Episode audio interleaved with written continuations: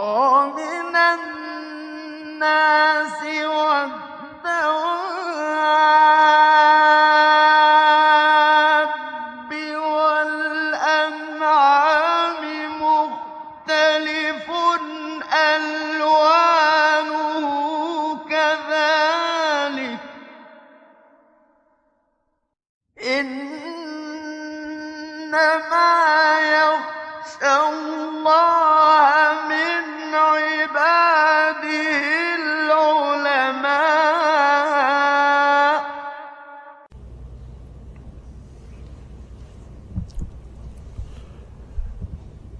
بسم الله الرحمن الرحيم. الحمد لله رب العالمين. الحمد لله ولي الصالحين. والصلاة والسلام على المبعوث رحمة للعالمين.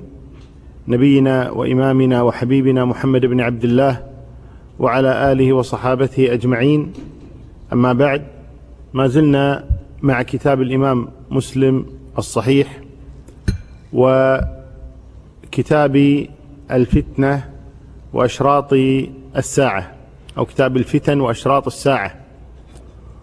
وذكرنا أن الإمام مسلم مسلما رحمه الله تبارك وتعالى من علماء القرن الثالث الهجري حيث توفي رحمه الله تعالى سنة 61 ومئتين من الهجرة. وقلنا من أهل القرون المفضلة التي قال عنها النبي صلى الله عليه وسلم خير الناس قرني. ثم الذين يلونهم ثم الذين يلونهم. قال فلا أدري. قال اثنتين أو ثلاثا. وذكرنا أن عدد أحاديث هذا الصحيح آه، ثلاثون وثلاثة آلاف بدون المكرر. ومع المكرر تصل إلى اثني عشر ألف حديث. وانتقاها الإمام مسلم من مئتي ألف حديث. رحمه الله تبارك وتعالى. وصلنا عند باب آه، تقوم الساعة والروم أكثر الناس. تقوم الساعة والروم أكثر الناس. وقلنا إن هذه العناوين هي من صنيع الإمام النووي رحمه الله تعالى. وقلنا قيل أنها من صنيع القاضي عياض. على كل حال قال الإمام مسلم رحمه الله حدثنا عبد الملك بن شعيب بن الليث قال حدثني عبد الله بن وهب قال أخبرني الليث بن سعد. قال حدثني موسى بن علي عن أبيه قال قال المستورد القرشي عند عمرو بن العاص سمعت رسول الله صلى الله عليه وسلم يقول تقوم الساعة والروم أكثر الناس فقال له عمرو أي بن العاص أبصر ما تقول قال أقول ما سمعت من رسول الله صلى الله عليه وسلم. قال عمرو لئن قلت ذلك إن فيهم لخصالا أربعة. إنهم لأحلم الناس عند فتنة وأسرعهم إفاقة بعد مصيبة وأوشكهم كرة بعد فرة وخيرهم لمسكين ويتيم وضعيف وخامسة حسنة جميلة وأمنعهم من ظلم الملوك. قال وحدثني حرملة بن يحيى التجيبي قال حدثنا عبد الله بن وهب قال حدثني أبو شريح أن عبد الكريم ابن الحارث حدثه أن المستورد بن شد القرشي قال سمعت رسول الله صلى الله عليه وسلم يقول تقوم الساعة والروم أكثر الناس؟ قال فبلغ ذلك عمرو بن العاص فقال ما هذه الأحاديث التي تذكر عنك؟ أنك تقولها عن رسول الله صلى الله عليه وسلم فقال المستورد قلت الذي سمعت من رسول الله صلى الله عليه وسلم. قال فقال عمرو لئن قلت ذلك إنهم لأحلم الناس عند فتنة وأجبر الناس عند مصيبة وخير الناس لمساكينهم وضعفائهم. في هذا الحديث يخبر النبي صلى الله عليه وسلم أنه لا تقوم الساعة إلا والروم أكثر أهل الأرض. وهذا قد وقع في يعني القرون السابقة أن الروم سواء كانوا نصارى أو غير نصارى أهل الروم على كل حال اللي هم الأوروبيون تقريبا أنهم أكثر أهل الأرض. والروم هم أولاد كما قيل العيص ابن إسحاق. لأن إسحاق صلى الله عليه وسلم له ولدان يعقوب والعيص ويعقوب هو إسرائيل. وذرية يعقوب يقال لهم بنو إسرائيل. ذرية يعقوب يقال لهم بنو إسرائيل. وذرية العيص هم الروم. ذرية العيص والعيص إذن أخو إسرائيل. والعرب من ذرية إسماعيل. وإسماعيل أخو إسحاق. إذن الروم والعرب وبنو إسرائيل كلهم يرجعون إلى إبراهيم في النسب صلى الله عليه وسلم. العرب من إسماعيل والروم من العيص ابن إسحاق ابن إبراهيم وبنو إسرائيل من يعقوب ابن إسحاق ابن إبراهيم. اليوم قد يكون غير الروم كالترك والصين وما شابه ذلك اللي هم يقال إنهم من أولاد يافث أكثر عددا من الروم. لكن على كل حال يخبر النبي صلى الله عليه وسلم أن عند قيام الساعة يكون الروم أكثر أهل الأرض. عند قيام الساعة يكون الروم أكثر أهل الأرض. الآن أهل الأرض كما هو معلوم كلهم من ذرية نوح. كما قال الله تبارك وتعالى وجعلنا ذريته هم الباقين. لما أغرق الله أهل الأرض جميعا لم يبق إلا ذرية نوح. ولذلك يقال عن نوح آدم الثاني. نوح عليه الصلاة والسلام يقال له آدم الثاني أو آدم الأصغر. فجميع من على الأرض هم من ذرية نوح عليه الصلاة والسلام. وأولاد نوح أربعة كما هو معلوم آه، يافث وحام وسام والرابع مختلف في اسمه المشهور أنه كنعان. كنعان هذا الذي غرق الذي ناداه نوح وغرق وانقطعت ذريته طبعا. وأما الذين بقوا من ذرية نوح عليه السلام وأسلموا وتابعوا أباهم صلوات ربي وسلامه عليه فهم حام وسام ويافث. جميع من على وجه الأرض يقولون يرجعون إلى هؤلاء الثلاثة.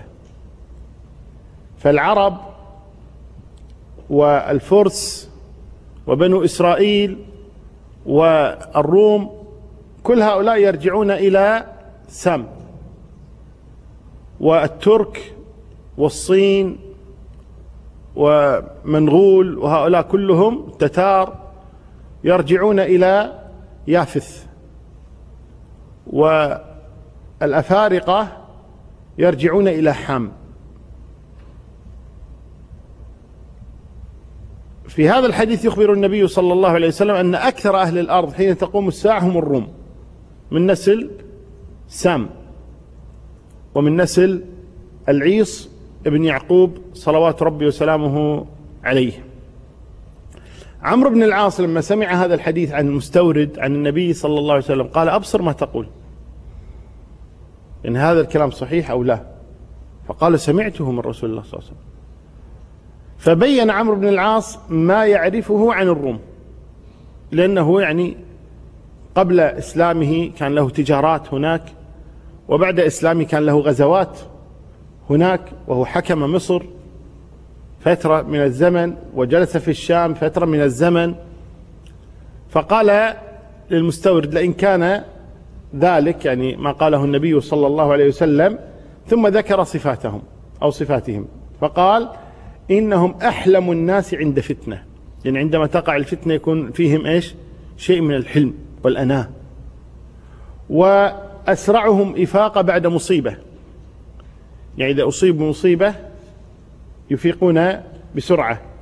قال وأوشكهم كرة بعد فرة.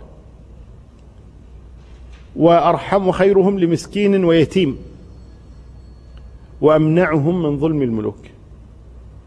هذا يعني ليس حديثا. هذا الكلام الأخير. هذا رأي عمرو بن العاص. علل به قول قول النبي صلى الله عليه وسلم أكثر الناس الروم. فبين ما يعرفه من صفاتهم.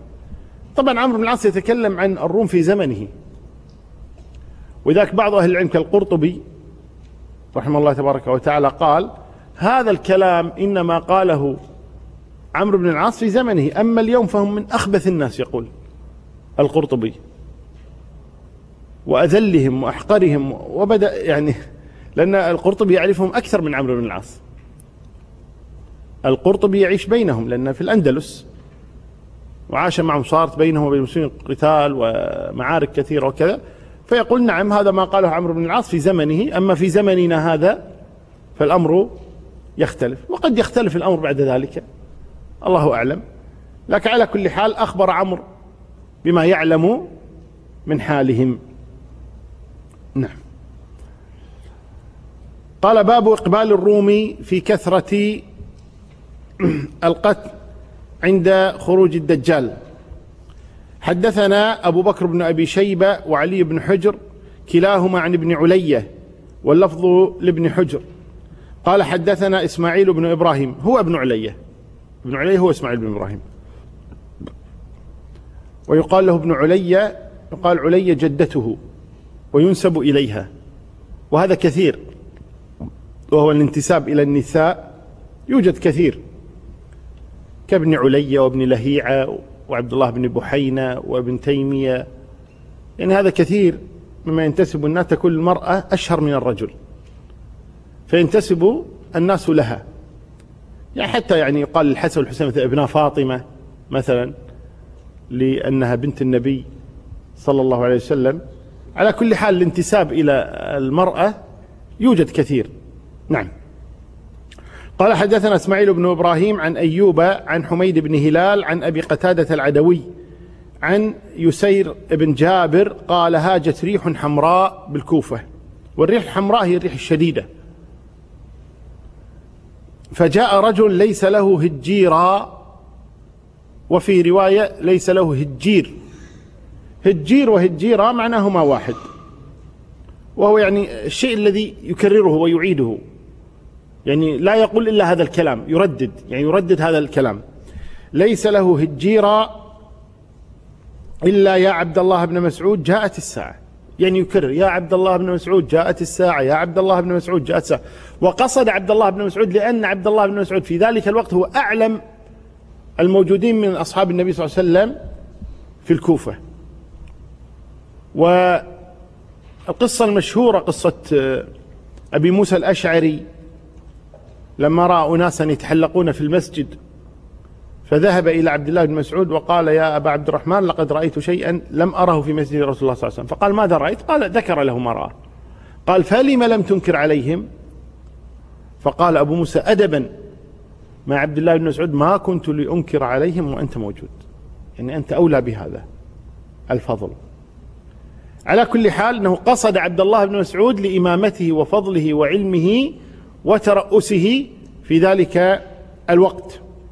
فقال يا عبد الله بن مسعود جاءت الساعة. قال فقعد وكان متكئا. أي عبد الله بن مسعود. فقال إن الساعة لا تقوم. يعني ليس الق... ليس كما رأيتم ريحا حمراء أو رأيتم يعني صيحة أو رأيتم كذا على مباشرة الساعة. لا هناك يعني أشياء غير الساعة من الفتن والمصائب وغير ذلك. فقال عبد الله بن مسعود إن الساعة لا تقوم حتى لا يقسم ميراث ولا يفرح بغنيمة. ثم قال بيده هكذا وأشار إلى الشام رضي الله عنه. فقال عدو يجمعون لأهل الإسلام ويجمع لهم أهل الإسلام يعني يستعدون لقتال أهل الإسلام ويستعد أهل الإسلام لقتالهم. قلت هذا الرجل الذي له الجيرة. قلت الروم تعني؟ قال نعم. وتكون عند ذاكم القتال ردة شديدة.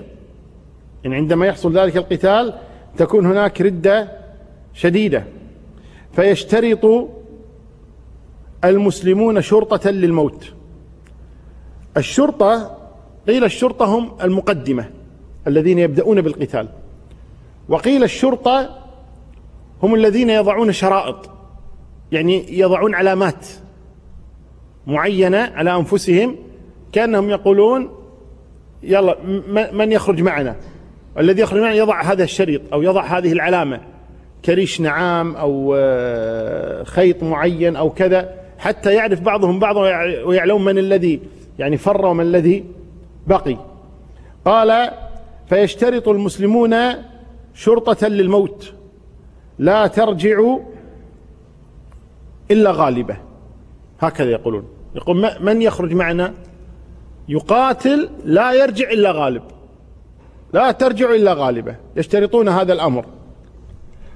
فقال فيقتتلون حتى يحجز بينهم الليل.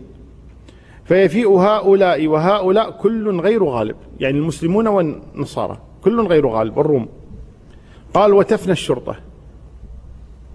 ثم يشترط المسلمون شرطة للموت لا ترجع إلا غالبا فيقتتلون حتى يحجز بينهم الليل فيفيء هؤلاء وهؤلاء كل غير غالب وتفنى الشرطة.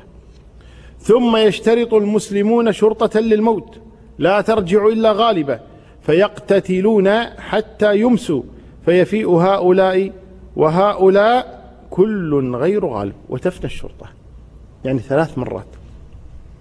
قال فإذا كان يوم الرابع نهد إليهم بقية أهل الإسلام نهد أي خرج إليهم بقية أهل الإسلام فيجعل الله الدبرة عليهم أو الدبرة وفي رواية الدائرة عليهم. يقال جعل الدبرة عليهم ويقال جعل الدبرة لهم. إذا قال جعل الدبرة عليهم أي هزموا. وإذا قال جعل الدبرة لهم أي انتصروا. يعني تستخدم, على الوجهين. يعني عليهم أو لهم. نعم. قال فيجعل الدبرة عليهم. فيقتل فيقتلون مقتلة إما قال لا يرى مثلها وإما قال لم ير مثلها. حتى إن الطائرة ليمر بجنباتهم. فما يخلفهم حتى يخر ميتا. يعني من كثرة القتلى وخروج رائحة الأموات نتن لأن الأموات تكون لهم رائحة قبيحة. وذاك كما تعلمون عندما أو سيأتينا إن شاء الله تعالى يأجوج ومأجوج عندما يخرجون. ويدعو الله عيسى عليه الصلاة والسلام أن يعني يهلكهم. فيهلكهم الله تبارك وتعالى ثم بعد ذلك تكون جثثهم في الأرض. فيرسل الله تبارك وتعالى طيرا من السماء تأخذ هذه الجثث ثم ينزل المطر ليغسل الأرض من رائحة ونتن هذه الجثث. على كل حال الطير يمر من كثرة هذه الجثث وكثرة القتلى. الطير يمر لا يكاد يتجاوز حتى يسقط حتى يسقط يعني ميتا. قال فما يخلفهم حتى يخر ميتا فيتعاد بنو الأب كانوا مئة فلا يجدون بقي منهم إلا الرجل الواحد. يعني يكون مثل العائلة الواحدة تقاتل ليسوا بن الأب يعني الأب المباشر الأب يعني الجد. العائلة مثل الأسرة يدخل مئة منهم يخرجون بواحد. يقول فبأي غنيمة يفرح أو أي ميراث يقسم؟ يعني هذا أي, أي غنيمة يعني غنموا انتصروا لأن المسلمين انتصروا انتصروا لكن ماذا بعد ذلك؟ مات كل أهله. تسعون تسعون وتسعون من أهله ماتوا. هل يفرح بغنيمة؟ هل يفرح بميراثه الذي سيرثه منهم؟ لن يفرح بذلك. وهذا معنى قوله في البداية حتى لا يقسم ميراث ولا يفرح بغنيمة. قال فبينما هم كذلك يعني بعد انتهاء هذه المعركة إذ سمعوا ببأس هو أكبر من ذلك. وهذا يدل على كثرة الفتن. يعني ما كادوا ينتهون من هذه الفتنة حتى تجيء فتنة أخرى. فيسمعون الصريخ فيبلغهم الصريخ إن الدجال قد خلفهم في ذرارهم. يعني خرج الدجال في أهلهم. قال فيرفضون ما في أيديهم لأن الأمر أهم. يتركون الغنيمة ويتركون القتال ويرجعون إلى أهليهم ليدفعوا عن عنهم شر الدجال. قال ويقبلون فيبعثون عشرة, عشرة فوارس طليعة لأن الجيش مهما كان حركته بطيئة. لأن الجيش عدد كبير جدا فحركته بطيئة ومعهم قد يكون معهم يعني آه، أفراس يعني لمن توفي معهم أناس جرحى معهم كذا. فحركة الجيش على كل حال بطيئة. فيقدمون عشرة طليعة. حتى يتأكدوا من هذا الخبر أن الدجال فعلا قد خلفهم في أهلهم. قال رسول الله صلى الله عليه وسلم إني لأعرف أسماءهم وأسماء آبائهم وألوان خيولهم. طبعا هذا من أمور الغيب. كيف عرف النبي ذلك؟ صلى الله عليه وسلم أخبره الله. سبحانه أو وحي. هذا وحي أوحي إلى النبي صلى الله عليه وسلم. قال هم خير فوارس على ظهر الأرض يومئذ أو من خير فوارس على ظهر الأرض يومئذ. يعني إذا قلنا هم خير أو هم من خير الفرق بينهما عندما يقول هم خير أي ما في أحسن منهم. هم من خير يعني الخيرية لهم ولغيرهم ولكن هؤلاء من الخيرين. يعني يكون الخيرون مثلا ألف هؤلاء العشرة منهم. لكن على رواية هم خير هؤلاء أحسن عشرة. هذا الفرق بين خير ومن خير. عندما يقال فلان أعلم الناس. فرق عندما تقول فلان من أعلم الناس. فلان أشجع الناس. فلان من أشجع الناس. فلما تقول فلان أشجع الناس إذا لا أحد أشجع منه في نظرك على الأقل. وإذا قلت من أشجع الناس أي الشجعان في أكثر من شخص وهذا منهم. فهذا الفرق بين خير فوارس ومن خير فوارس قال ابن أبي شيبة في روايته عن أسير بن جابر. يعني بدل حدثنا. قال وحدثني محمد بن عبيد الغبري. قال حدثنا حماد بن زيد عن أيوب عن حميد بن هلال عن أبي قتادة عن يسير بن جابر. قال كنت عند ابن مسعود فهبت ريح حمراء وساق الحديث بنحوه وحديث ابن علي أتم وأشبع. وحدثنا شيبان بن فروخ قال حدثنا سليمان يعني ابن المغيرة قال حدثنا حميد يعني ابن هلال عن أبي قتادة عن أسير بن جابر. طبعا يعني هذه بين قوسين شو هنا هذه من مسلم وهذا من دقتهم رحمه الله تبارك وتعالى. يعني مسلم يستطيع أن يقول حميد بن هلال لكن يقول لا هو قال لي حميد. الراوي قال حميد لكن أنا أوضحها لكم المقصود بحميد هنا حميد بن هلال ولذلك يضعونها بين قوسين أو يقول يعني ابن هلال. وهذا من دقتهم وأمانتهم أنهم لا يزيدون يعني شيئا في الحديث ولا في الإسناد أبدا. يريد يشرح يريد يبين يبين لك أن هذه زادها. وهذا يدل على الأمانة العلمية في نقل حديث النبي صلى الله عليه وآله وسلم. عن أبي قتادة عن أسير بن جابر قال كنت في بيت عبد الله بن مسعود والبيت ملآن. قال فهاجت ريح حمراء بالكوفة ذكر نحو حديث ابن علي يعني في طوله. قال الإمام النووي باب ما يكون من فتوحات المسلمين قبل الدجال. قال مسلم حدثنا قتيبة بن سعيد قال حدثنا جرير عن عبد الملك بن عمير عن جابر بن سمرة عن نافع بن عتبة قال كنا مع رسول الله صلى الله عليه وسلم في غزوة. قال فأتى النبي صلى الله عليه وسلم قوم من قبل المغرب عليهم ثياب الصوف. قال ليس المقصود بقبل المغرب اللي هي دولة المغرب أو المغرب الأقصى. وإن المقصود جهة المغرب أي جهة الغرب. جهة الغرب وكانوا من البادية. يقول عليهم ثياب الصوف فوافقوه عند أكمة يعني مكان مرتفع. قال فإنهم لقيام أي عند النبي صلى الله عليه وسلم ورسول الله صلى الله عليه وسلم قاعد. قال فقلت فقالت لي نفسي ائتهم فقم بينهم وبينه لا يغتالونه.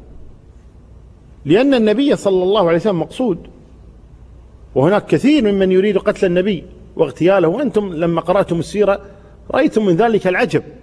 كم محاولة اغتيال وقعت للنبي صلى الله عليه وسلم من اليهود أو من المشركين طيب كلهم يحاولون اغتيال النبي صلى الله عليه وسلم من المنافقين كلهم يحاولون اغتياله صلى الله عليه وسلم. فقضية اغتيال النبي صلى الله عليه وسلم هذا أمر وارد لأن هناك كثر من يقصدون قتله صلى الله عليه وآله وسلم. فيقول نافع فوقع في نفسي أن هؤلاء قد يكونون ممن يقصد قتل النبي ويريدون اغتياله. صلى الله عليه وسلم. فقلت أقف بينه وبينهم. وهذا يدل أيضا على محبة الصحابة للنبي صلى الله عليه وسلم أنهم يضحون بأنفسهم في سبيل الدفاع عنه صلوات ربي وسلامه عليه. قال ثم قلت لعله نجي معهم. يعني أخشى بعد يعني أن هذا النبي أراد أن يعني يخاطبهم بشيء لا يسمعه الآخرون. يعني ترددت في هذا. ثم قدر الله له أن يكون بينهم. خاف على النبي صلى الله عليه وسلم. قال فأتيتهم فقمت بينهم وبينه. قال فحفظت منه أربع كلمات. إذا كانت المسألة إيش؟ يعني ما فيها اغتيال وإنما جاءوا فعلا على نياتهم. لأن الأصل أن الإنسان إذا جاء مو بالضرورة أنه يريد الاغتيال يعني تعلمون جميعا قصة آه، عامر بن الطفيل. لما جاء للنبي صلى الله عليه وسلم قال تعال أناجيك. وكان قد اتفق مع شخص آخر قال إذا ناديته على أني أناجي آه، اعلوه بالسيف يعني اقتله. فقال النبي لا حتى تشهد أن لا إله إلا الله. فقال تعال أناجيك. يقول للنبي صلى الله عليه وسلم قال لا حتى تشهد أن لا إله إلا الله. يعني وهذا الإنسان لا يأمن الكافر. قال لا حتى تشهد أن لا إله إلا الله. فغضب عامر بن طفيل ولم يتحمل. فدعا عليه النبي صلى الله عليه وسلم.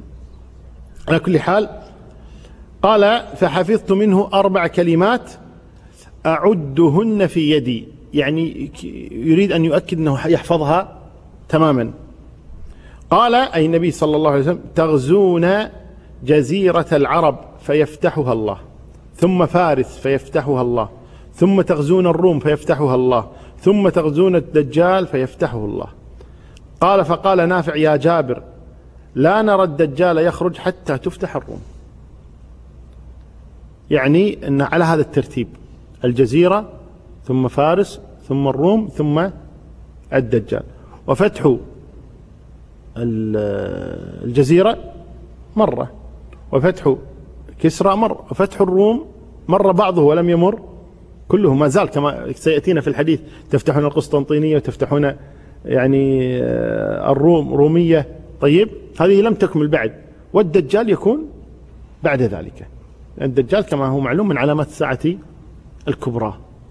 وقوله جزيرة العرب يقول أهل العلم الجزيرة إنما سميت جزيرة من القطع من القطع. ذاك القصاب يسمونه؟ جزار يعني يقطع. والجزيرة تسمى بهذا الاسم لأن البحر يقطعها عن اليابسة. البحر يقطعها من كل جهة. عن اليابسة فيقال مجزرة مقطعة مقطعة الأطراف. فليس لها صلة بغيره ولذلك يقال لها جزيرة. هناك شبه الجزيرة العربية. يقال لها جزيرة العرب لكن هي حقيقة إيش؟ هي شبه جزيرة وليست جزيرة. على كل حال هذا يعني من حيث يعني اللغة بالنسبة للجزيرة. نعم. قال باب في الآيات التي تكون قبل الساعة. والمقصود بهذه الآيات الآيات الكبرى لأن آيات الساعة كبرى وصغرى. هناك آيات كبرى وهناك آيات صغرى. قال الإمام مسلم حدثنا أبو خيثمة زهير بن حرب وإسحاق بن إبراهيم وابن أبي عمر المكي واللفظ لزهير. قال إسحاق أخبرنا وقال الآخران حدثنا سفيان بن عيينة عن فرات القزاز عن أبي الطفيل عن حذيفة ابن أسيد الغفاري. قال اطلع النبي صلى الله عليه وسلم ونحن نتذاكر يعني نتحدث بيننا. فقال ما ما تذاكرون؟ ما الحديث الذي يدور بينكم؟ وهذا أيضا من حسن خلق النبي صلى الله عليه وسلم أنه يأتيهم يجالسهم يستمع إليهم يسألهم عن ماذا تتحدثون يشاركهم صلوات ربي وسلامه عليه. قال ما تذاكرون؟ قال نذكر الساعة. وهذا أيضا يدل على أنهم يعني يعني همهم ليس كهم كثير من الناس الآن. ما تذاكرون الأسهم ما تذاكرون الأراضي ما تذاكرون الزواج ما تذاكرون الدراسة وهكذا يعني أمور دنيا دنيا دنيا دنيا. بينما أولئك في ذلك الزمان أكثر مذاكرتهم كانت إيش؟ للآخر. وهذا لا يمنع أن الإنسان يتذاكر الدنيا ما في بأس. لا ينسى الإنسان نصيبه من الدنيا لكن لا تكون الدنيا هي نصيبه. يعني لك نصيب من الدنيا ولكن لا يكون الدنيا هي نصيبك فقط وتنسى الآخرة. قالوا نذكر الساعة. قال إنها لن تقوم حتى ترون قبلها عشر آيات. يعني لا تقوم الساعة حتى تكون عشر آيات. فذكر الدخان والدجال والدابة وطلوع الشمس من مغربها ونزول عيسى بن مريم ويأجوج ومأجوج وثلاثة خسوف. خسف بالمشرق وخسف بالمغرب وخسف بجزيرة العرب وآخر ذلك نار تخرج من اليمن تطرد الناس إلى محشرهم. هذه العلامات تسمى علامات الساعة الكبرى واختلف أهل العلم في هذه العلامات. بعضهم قال هذه العلامات هي الكبرى وبعض أهل العلم يخرج الدخان ويدخل بدله آه، المهدي يجعله من علامات الساعة الكبرى. على كل المشهور عند أهل العلم أن هذه هي العشر الكبرى الذي عليه جماهير أهل العلم أن هذه العشر الكبرى دون المهدي ويجعلون المهدي من علامات الساعة الصغرى وهذه علامات الساعة الكبرى على خلاف بينهم في الدخان. هل مرت آية الدخان أو لم تمر؟ كان ابن مسعود رضي الله عنه يرى أن الدخان مر وأنه وقع هذا الأمر. وجمهور أهل العلم على أن هذا الدخان لم يأتي بعد. وحاول البعض كالقرطبي وغيره أن يجمع فقال هما دخانان. دخان خرج في زمن النبي صلى الله عليه وسلم ودخان سيخرج. على كل حال الذي عليه الجمهور أن هذه العلامات العشر لم يخرج شيء منها إلى اليوم. نعم. قال الدخان طبعا هذا الذكر هنا ليس على سبيل الترتيب. وسيأتينا الخلاف في ترتيب هذه العلامات. قال الدخان والدجال وسيأتينا تفصيل عن الدجال والدابة. الدابة يعني جاء في ذكرها قول الله تبارك وتعالى وإذا وقع القول عليهم أخرجنا عليهم أخرجنا إليهم دابة من الأرض تكلمهم. هذه الدابة يعني بعضهم قال الدابة هذه هي الجساسة التي رآها آه، أبو رقية تميم الداري لما في حديثه الطويل في مسلم لما رأى الدجال. قال هذه الدابة هي الجساسة. وقال آخرون أبدا الدابة هذه حيوان غير الجساسة. وبعضهم قال الدابة هي أفعى. يعني والذي جعلهم يقولون هذا الكلام أن كل هذه الأشياء يطلق عليها اسم دابة لأن الدابة هي ما يدب على الأرض. كل ما يدب على الأرض يقال له دابة حتى الإنسان. أنه يدب على الأرض يقال له دابة. طيب؟ طبعا الشيء عندهم دابة علم أبي طالب. الله المستعان. على كل حال آه، الدابة هي كل ما يدب على الأرض. فبعضهم قال وهو الأكثر أن الدابة هي الجساسة. وهي دابة تخرج في آخر الزمان وتسم الناس المؤمن والكافر. حتى الناس بعد ذلك لا يتبايعون إلا يناديه يا مسلم وهذا يناديه يا كافر. مباشرة هكذا. وهذا يقول عن نفسه إنه كافر وهذا يقول عن نفسه إنه فلا فيعرف الناس من بعيد هذا كافر وهذا مسلم. وقال البعض وهذا قول غريب جدا سبحان الله لكن قال به البعض ترى. حتى لا يعني لا تتفاجأ به. بعضهم قال الدابة هي عالم من العلماء. يعني عالم آه، له شأن ورأي زين؟ ويعني في التفسير والعلم ويتبعه الناس. طيب هذا المقصود بالدابة. هذا كلام باطل لا شك أن الله أراد المدح. ما يقول عنه. دابة لأن ما يطلق على رجل دابة وهو يريد مدحه. يعني لو واحد يبي يمدحك يقول تعال يا دابة. تقول الله الله يجزاك خير. شو الإكرام هذا؟ ما تقبل. ما تقبل. كلمة ليست طيبة حقيقة. أن يطلق على الإنسان اسم دابة. فكيف الله يمدحه بالعلم والفضل؟ هل هذا تكريم العلماء؟ يقول القرطبي. لا يمكن هذا أبدا. فعلى كل حال الصحيح إن شاء الله تعالى أن الدابة هذه إما أن تكون الجساسة وإما أن يكون حيوان آخر يكون من علامات الساعة. قال وطلوع الشمس من مغربها. قد جاء في الحديث أن الشمس تستأذن في كل يوم. عند غروبها تستأذن حتى تشرق من اليوم الثاني. فيؤذن لها. حتى إذا كان ذلك اليوم تستأذن فلا يؤذن لها ثم تعود من المغرب. يعني تشرق من مغربها. تشرق من مغربها بدل أن تكون من الشرق كعادتها. قال وطلوع الشمس من مغربها ونزول عيسى ابن مريم. عيسى عليه وسلم اختلف أهل العلم فيه. هل رفع حيا أو رفع ميتا؟ مع إجماع المسلمين أن عيسى لم يمت. صلى الله عليه وسلم يعني لم يقتله اليهود كما يزعم النصارى. لأن النصارى يزعمون أن اليهود قتلوا عيسى والله تبارك وتعالى يقول وما قتلوه وما صلبوه ولكن شبه لهم. لكن لما جاء أهل العلم لقول الله تبارك وتعالى لعيسى بن مريم إني متوفيك ورافعك إلي. ما معنى متوفيك؟ قال بعضهم متوفيك أي مميتك من الوفاة. فإذا لم يقتله اليهود وإنما أماته الله موت الطبيعي ثم رفعه سبحانه وتعالى. وقال آخر لا متوفيك ليس المقصود هنا من الوفاة وهو الموت وإنما من الوفاء وهو مثل وفيت الدين اللي عليك أو أعطيت الدين اللي عليك وقال وفى دينه. فهنا متوفيك أي معطيك حياتك التي لك. لا ينقص منها شيء وليس المقصود الوفاة التي هي الموت. وهذا اللي عليه الأكثر. الأكثر أن عيسى رفع حيا صلى الله عليه وسلم. وهناك من أهل السنة من يقول رفع ميتا. لكن باتفاقهم أنه لم يصلب. ولم يتسلط عليه اليهود صلوات ربي وسلامه عليه. وسينزل في آخر الزمان. قال ويأجوج ومأجوج. وأيضا سيأتي ذكرهم مفصلا وأنهم يعني من ولد آدم. وعلى الصحيح أيضا أنهم من ولد آه، يافث ابن نوح. من ولد يافث ابن نوح يعني من جهة الترك والصين وغير ذلك. قال وثلاثة خسوف خسف بالمشرق وخسف بالمغرب وخسف بجزيرة العرب. هذه ثلاث خسوف ستقع. وبعض أهل العلم يرى أن هذه الخسوف خاصة المشرق والمغرب أنهما وقع يعني وقع خسف. في المشرق في بعض الأيام الماضية ولكن الظاهر الله أن هذا الخسف خسف أعظم مما وقع في ذلك الوقت. قال وآخر ذلك نار تخرج من اليمن تطرد الناس إلى محشرهم.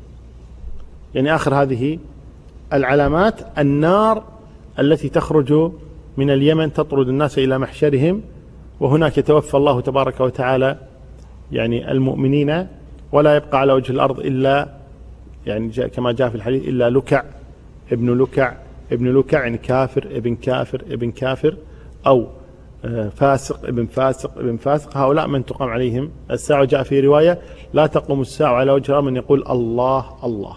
يعني لا يذكر الله في الأرض أبدا.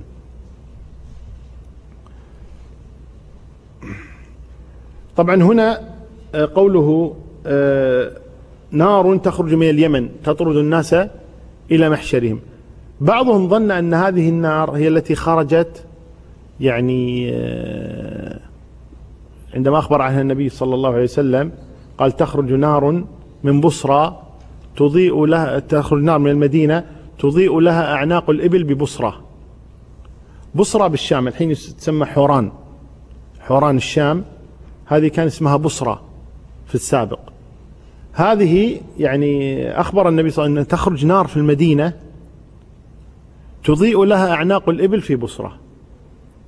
وقد ذكر القرطبي والنووي وعياض وغيرهم ممن أدرك ذلك الزمان لما خرجت النار في المدينة واستمرت ثلاثة أيام نار عظيمة جدا في المدينة واستمرت ثلاثة أيام ونقلوا ومنهم أبو الفداء بن كثير نقلوا عن شهود عيان. قالوا كنا ببصرى ورأينا هذه النار. وبعضهم قال كنت أكتب الكتاب على ضوء هذه النار. نار عظيمة خرجت في المدينة المنورة كان رآها رأى نورها من بعيد أهل بصرة تضيء لها أعناق الإبل في بصرة. وهذه وقعت سنة 54 و600 احسبها 6 5 4 على التنازلي. 6 5 4 هذه النار حدثت وهي غير النار التي أخبر عنها النبي منها علامات الساعة. ولا شك أن النار التي خرجت بالمدينة وأضاءت لها أعناق الإبل في بصرى هذه النار يعني وقعت وهي من علامات الساعة ولكنها من علامات الصغرى. أما النار التي تخرج من عدن من اليمن فهذه من علامات الساعة الكبرى. قال الإمام مسلم حدثنا عبيد الله بن معاذ العنبري قال حدثنا أبي قال حدثنا شعبة عن فرات القزاز عن أبي الطفيل عن أبي سريحة حذيفة ابن أسيد قال كان النبي صلى الله عليه وسلم في غرفة ونحن أسفل منه. فاطلع إلينا فقال ما تذكرون؟ قلنا الساعة. قال إن الساعة لا تكون حتى تكون عشر آيات. خسف بالمشرق وخسف بالمغرب وخسف في جزيرة العرب والدخان والدجال ودابة الأرض ويأجوج ومأجوج وطلوع الشمس من مغربها ونار تخرج من قعرة عدن ترحل الناس. طبعا هنا في قول النبي صلى الله عليه وسلم لا تقوم الساعة حتى يحدث كذا وذكر منها الدخان دليل على أن الدخان الذي ذكر عبد الله بن مسعود غير هذا الدخان لأن الذي يذكره عبد الله بن مسعود كان في مكة وقع لأهل مكة لما كان النبي صلى الله عليه وسلم هناك. نعم. طبعا جاء في الحديث عن النبي صلى الله